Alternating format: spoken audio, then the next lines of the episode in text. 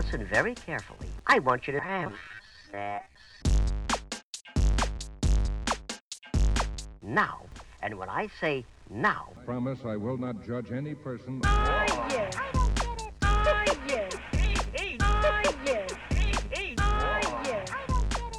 Cześć, z tej strony Nat, czyli Twoja zaufana sekspertka, a to jest Nat i Seks.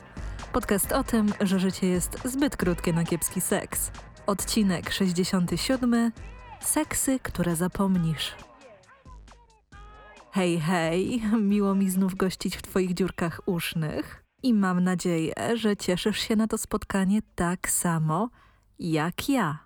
Ten odcinek w całości został zainspirowany wiadomością od słuchaczki, którą otrzymałam w serwisie Coffee, a brzmi ona tak. Jestem w związku od czterech lat i coraz częściej wracają do mnie wspomnienia poprzednich kochanków, którzy byli lepsi od mojego partnera. Kochamy się regularnie, ale nie mam takich doznań jak z innymi mężczyznami. Dodam, że to mój pierwszy długi związek. Wcześniej miałam głównie przygody na jedną noc i układ FWB, czyli Friends with Benefits, tutaj mój przypis, przyjaciele z bonusem. I dalej słuchaczka pisze: Brakuje mi tych fajerwerków. Zastanawiam się, co można zrobić, aby seks z partnerem tak samo mnie satysfakcjonował. Myślę, że poruszoną w wiadomości kwestię warto rozpatrzyć z dwóch różnych perspektyw. Pierwszą z nich jest seks w relacji, seks w długoterminowej relacji, a drugą seks poza stałym związkiem.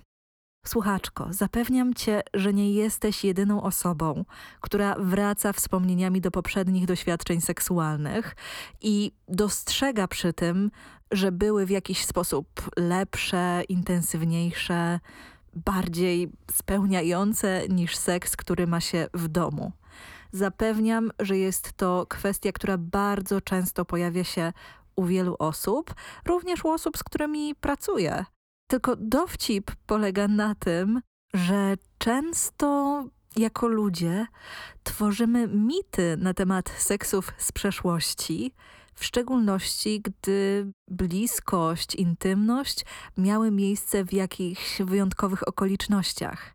Bo zauważmy, że seks, który zdarza się spontanicznie, z osobą, która niekoniecznie jest na wyciągnięcie ręki, czyli nie funkcjonujemy na co dzień w tej samej przestrzeni, to nie tylko sam fizyczny akt, ale też cała jego otoczka, cała jego atmosfera.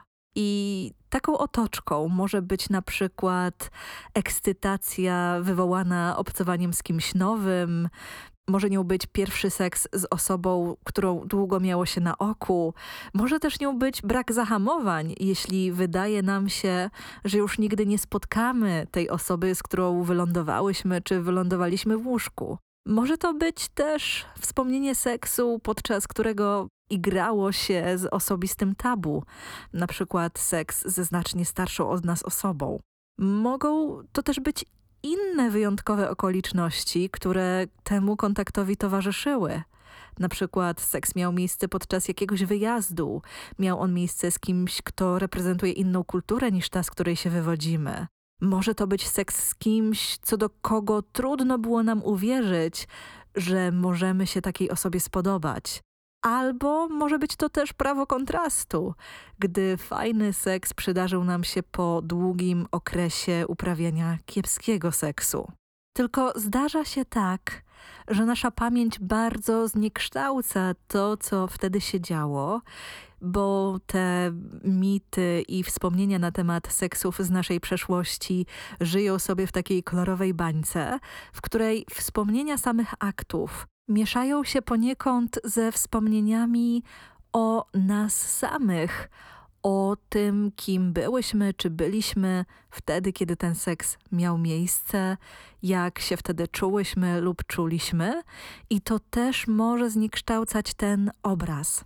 Bo nie da się ukryć, że seks, który pamiętamy jako świetny, często bardzo różni się od seksu, który mamy na co dzień. W szczególności, jeżeli naszym codziennym seksem jest seks w ramach stałej relacji z tą samą osobą. Często nie zostaje on w naszych wspomnieniach tak intensywnie, jak seks z przeszłości, który wspominamy jako wyjątkowy.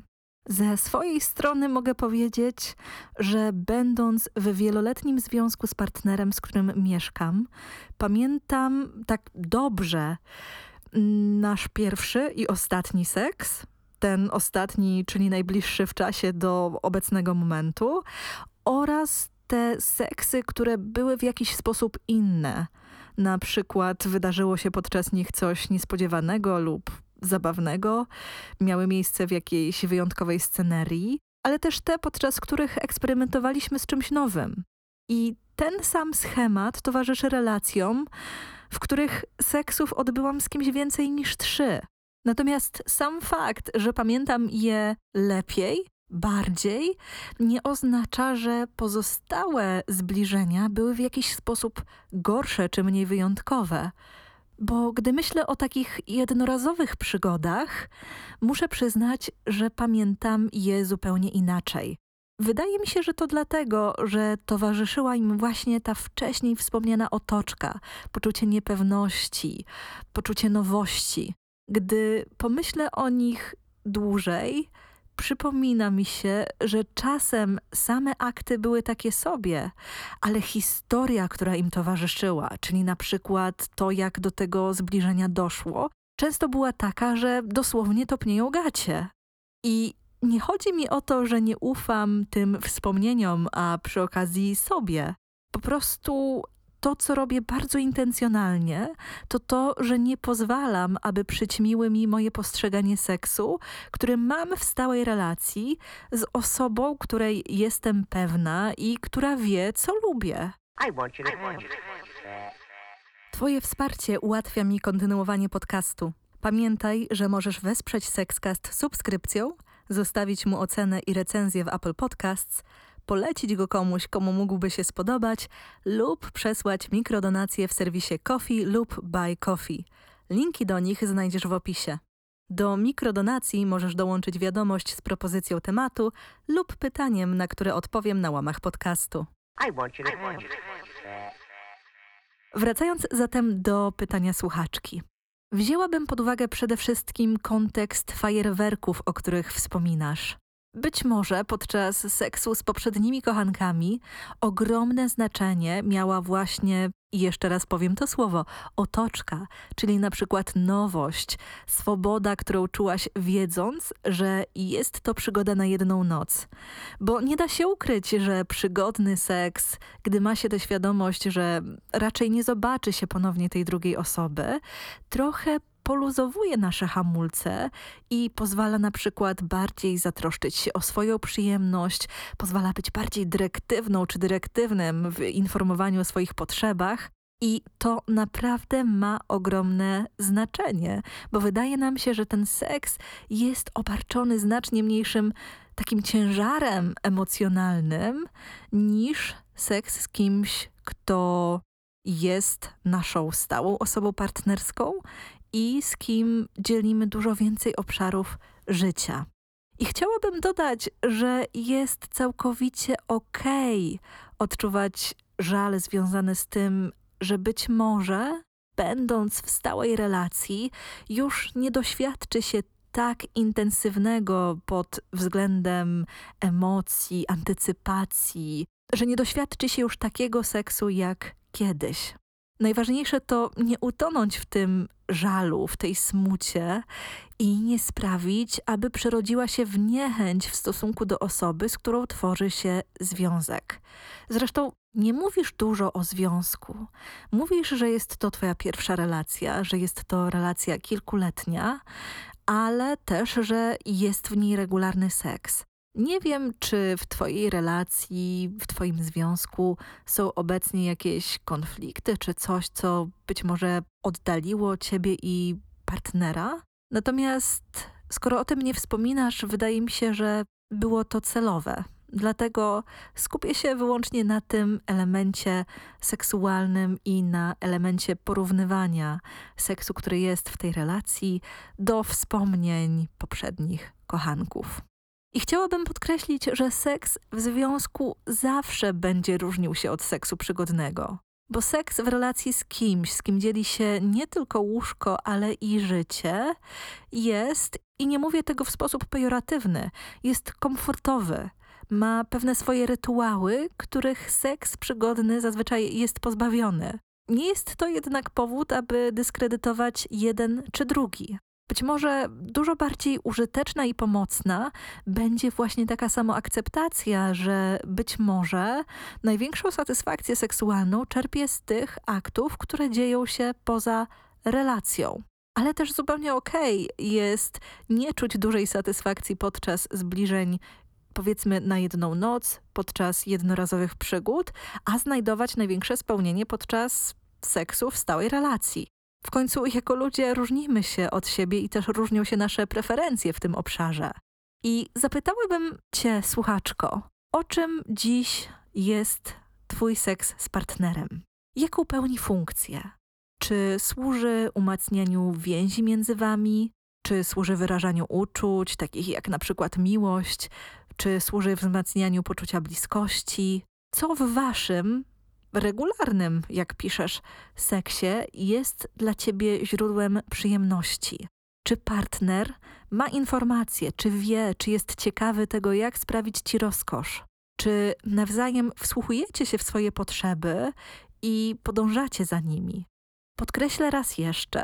Seks z osobą, którą widziało się w różnych sytuacjach, w zdrowiu i w chorobie, czyli na wysokim C i naprawdę w dolinie, Czyli z taką osobą, z którą wiele się przeszło, zawsze będzie inny niż seks z kimś nowo poznanym, bo w długotrwałych relacjach wspólnych obszarów intymności jest znacznie więcej niż w seksie przygodnym. I dla niektórych osób naprawdę może być to przeszkodą, aby cieszyć się wspólnym seksem.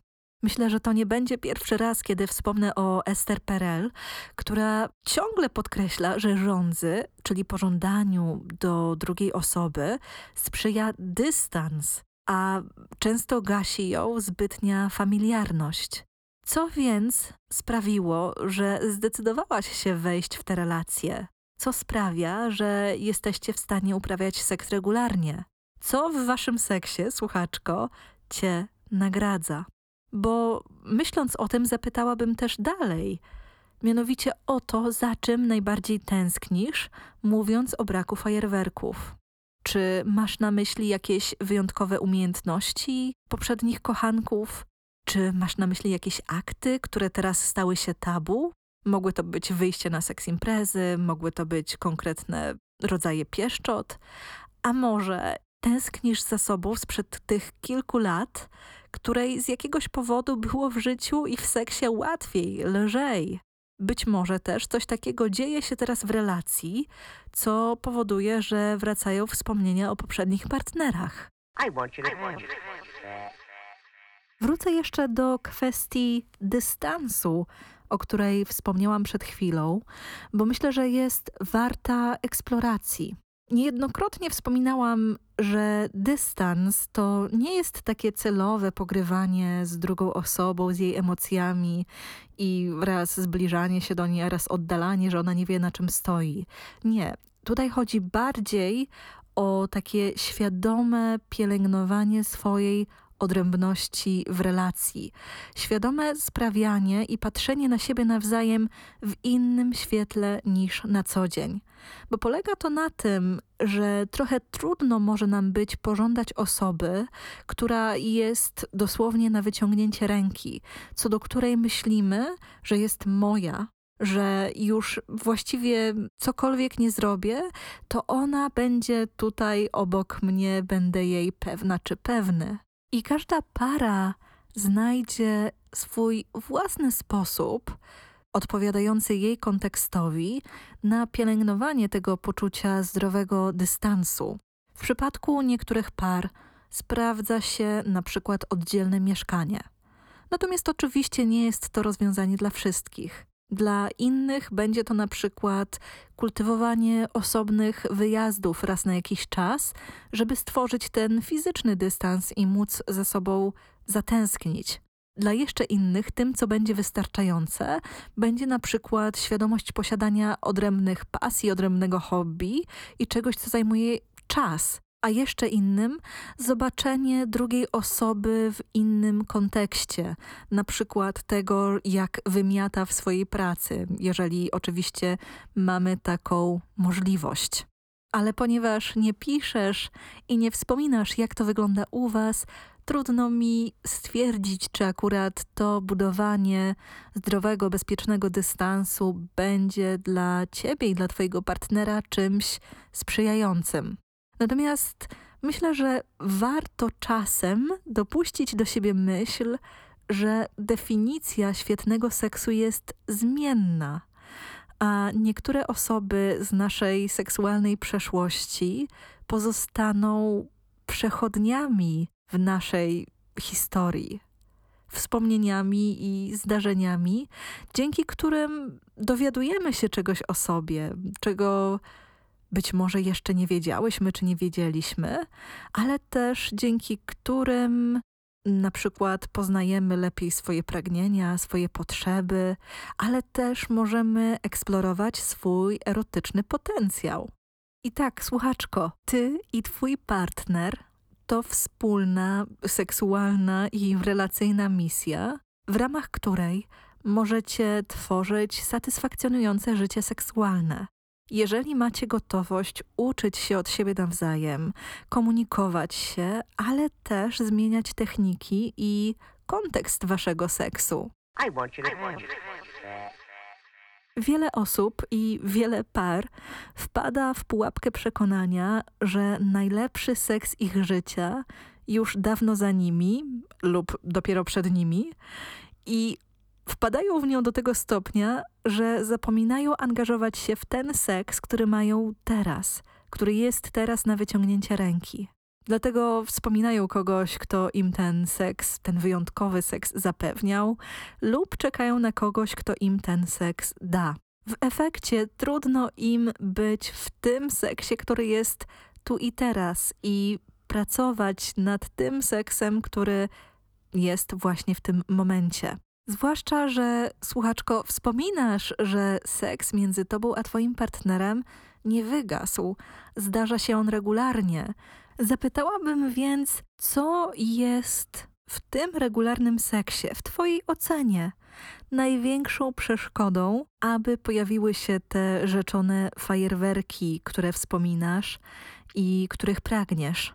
Ale też z drugiej strony, co daje Ci w Waszej relacji, takiej jaka ona jest teraz, największą nadzieję, że tego rodzaju fajerwerki są dostępne, są na wyciągnięcie ręki. Na ile znając siebie, swojego partnera i waszą relację, jesteś w stanie albo masz nadzieję na to, że doświadczenie tych fajerwerków, dużej satysfakcji będzie możliwe.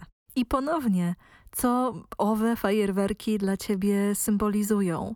Czy za nimi kryje się jakaś głębia odczuć, przeżyć, czy na przykład fantazja na temat własnej seksualnej osobowości i tożsamości? Bo nie da się ukryć, że każda z osób wnosi do łóżka, czyli do seksu, swoją historię, swoje fantazje na temat fantastycznego seksu, ale też swoje potrzeby i przekonania. I znów czasem elementy tej historii mogą poniekąd utrudniać cieszenie się i znajdowanie harmonii w tym seksie, który jest teraz. Może być też tak, że przyświeca mu jakiś na ten moment i w tej relacji nieosiągalny wzorzec.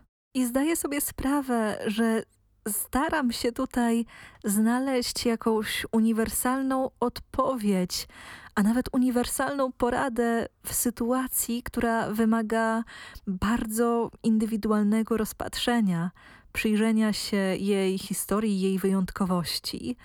Dlatego zdaję sobie sprawę ze swojego ograniczenia, gdy pochylam się nad jakimś zagadnieniem w ramach podcastu. Natomiast nie da się ukryć, że to pytanie od słuchaczki, ta wiadomość bardzo zarezonowały ze mną i też z tym, co obserwuję na co dzień. I przy tym skłoniły mnie do takiej refleksji, że być może wystarczająco dobre seksy są skazane na zapomnienie. A w efekcie pojawiła się kolejna refleksja, że czasem osoby, z którymi doświadczymy świetnego seksu, niekoniecznie będą osobami, z którymi będziemy gotowe, gotowi dzielić życie i oczywiście vice versa. Nie chodzi mi o to, aby obrzydzić komukolwiek jedną czy drugą formę realizowania się seksualnego, bo chodzi mi bardziej o to, aby okazać sobie życzliwość, wyrozumiałość, że różne myśli na temat tego, co mamy teraz w łóżku, mogą się pojawiać. Zatem warto przyglądać się temu, co ta myśl chce mi przekazać, jaka potrzeba się za nią kryje i gdzie mogę znaleźć zaspokojenie tej potrzeby. Bo czasem może się okazać, że w łóżku szukamy tego, co możemy doskonale zaspokoić poza nim. Jeżeli oczywiście dokopiemy się do źródła trudności. I z tą myślą zostawiam Cię dziś, życząc Ci oczywiście wszystkiego seksownego i do usłyszenia już wkrótce. Pa!